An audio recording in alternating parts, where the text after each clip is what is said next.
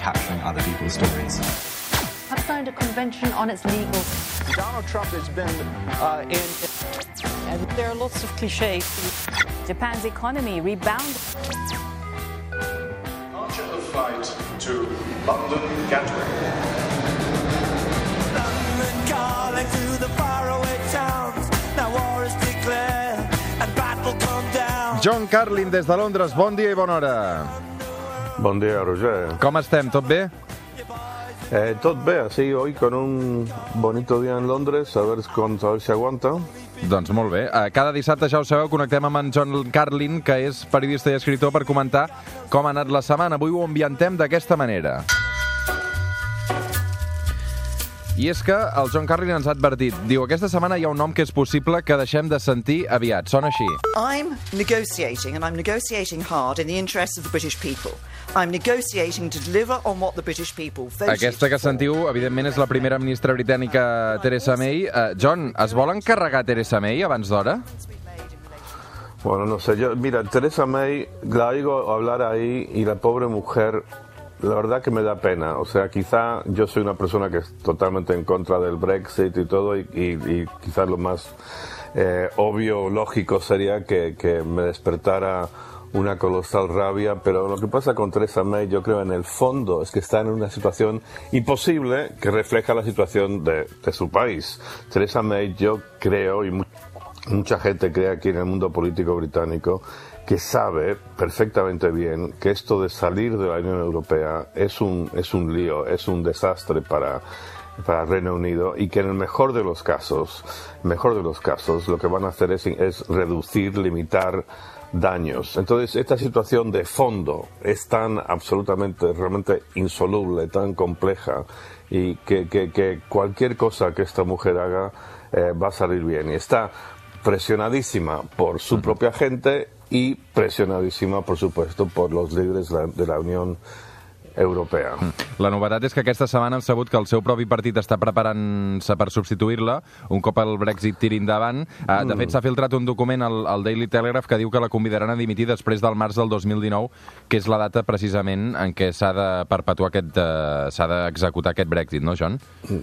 Ya, bueno, no sé si es exactamente una, una novedad, Roger, porque es porque es- está- o sea, hay gente ahí conspirando permanentemente hace tiempo. Ahora, lo que sí es verdad es que esta semana Teresa May, se, eh, bueno, ayer mismo, el jueves, estuvo en, en, en Salzburgo, se reunió con los líderes de la Unión Europea y hubo un rechazo contundente de su propuesta eh, del plan para salir de la Unión Europea el propio plan de la May es rechazado por un importante sector de su propio partido. Con lo cual, lo que sí te diría que quizá la novedad, la novedad de verdad, es que Teresa May está en una situación más delicada que nunca. Pero como dije hace un rato, ella está en una situación imposible. Estamos en, una- en- en- lo que ocurre ahora es que hace té una, más de dos una años, dos contradicció, años- no? Té una contradicció, Theresa May. Sí, una contradicción total, pero, pero, pero lo, que de- demuestra, entre muchas cosas más, el lío en que se ha metido este país y lo insoluble que es, es que han pasado dos años y que tres, cuatro meses desde el referéndum en el que se votó por una, ligerísima minoría a favor de salir de la Unión Europea, pero aún después de tanto tiempo, los propios británicos no tienen un plan, no se ponen de acuerdo. O sea, no, no solo eso, ni siquiera el Partido Conservador de Theresa May tiene un plan en el que están de acuerdo, más bien están divididos agriamente por la mitad. Con lo cual, ¿cómo van a esperar poder llegar a un acuerdo con, con, con la Unión Europea? Mhm. El que es frega les mans davant d'aquesta situació deu ser Boris Johnson, l'exalcalde de Londres, també exministre eh, d'Exteriors, eh, que a més ell sí que és un hooligan precisament del Brexit, no?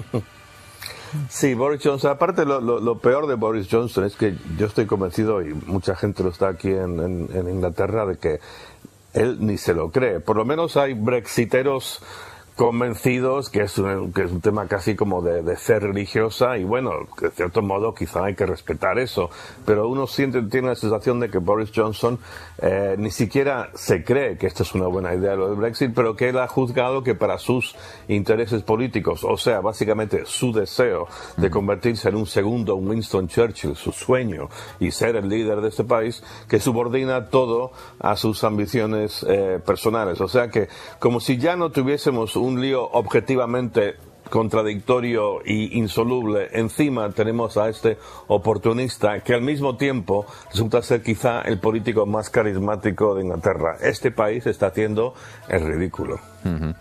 um, John, uh, encara que aquest Brexit, uh, pel que m'expliques, uh, tot plegat acabi sent un desastre, els partits conservadors en poden sortir afavorits igualment, no, per això? ¿El Partido Conservador qué, perdona? Pot sortir-ne afavorit, és a dir, les enquestes no li van malament, no? No, no, no. Bueno, es que lo que pasa es que sí, es que el- la oposición, el Partido Laborista, o sea, uno pensaría que ante semejante desmadre como el que vive eh, el Reino Unido, que el Partido Conservador de Theresa May, el Partido Conservador que está en el poder, estaría bajo una presión enorme, estaría muy frágil. Pero tal es la incompetencia del- de la oposición laborista eh, y particularmente de Jeremy Corbyn, el líder laborista, que es un buen hombre, un hombre de principios, pero simplemente es casi imposible ver que, que lo elijan primer ministro de este país.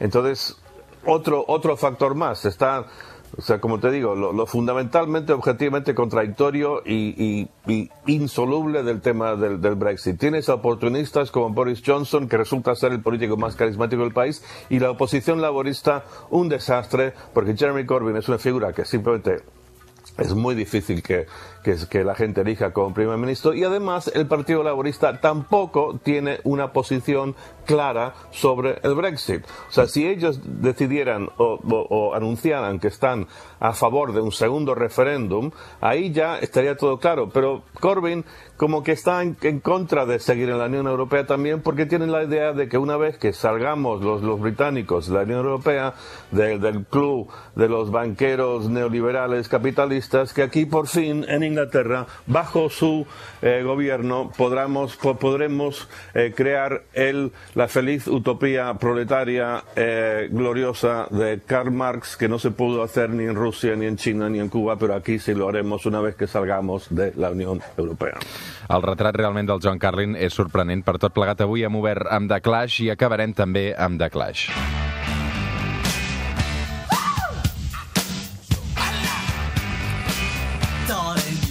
You let me know. Should I stay or should I go? John Carlin, per acabar, on veurem abans un referèndum? Un altre referèndum, en aquest cas, pel Brexit, al Regne Unit, o un referèndum a Catalunya? Aquestes són les preguntes que a mi m'agraden i que a tu no.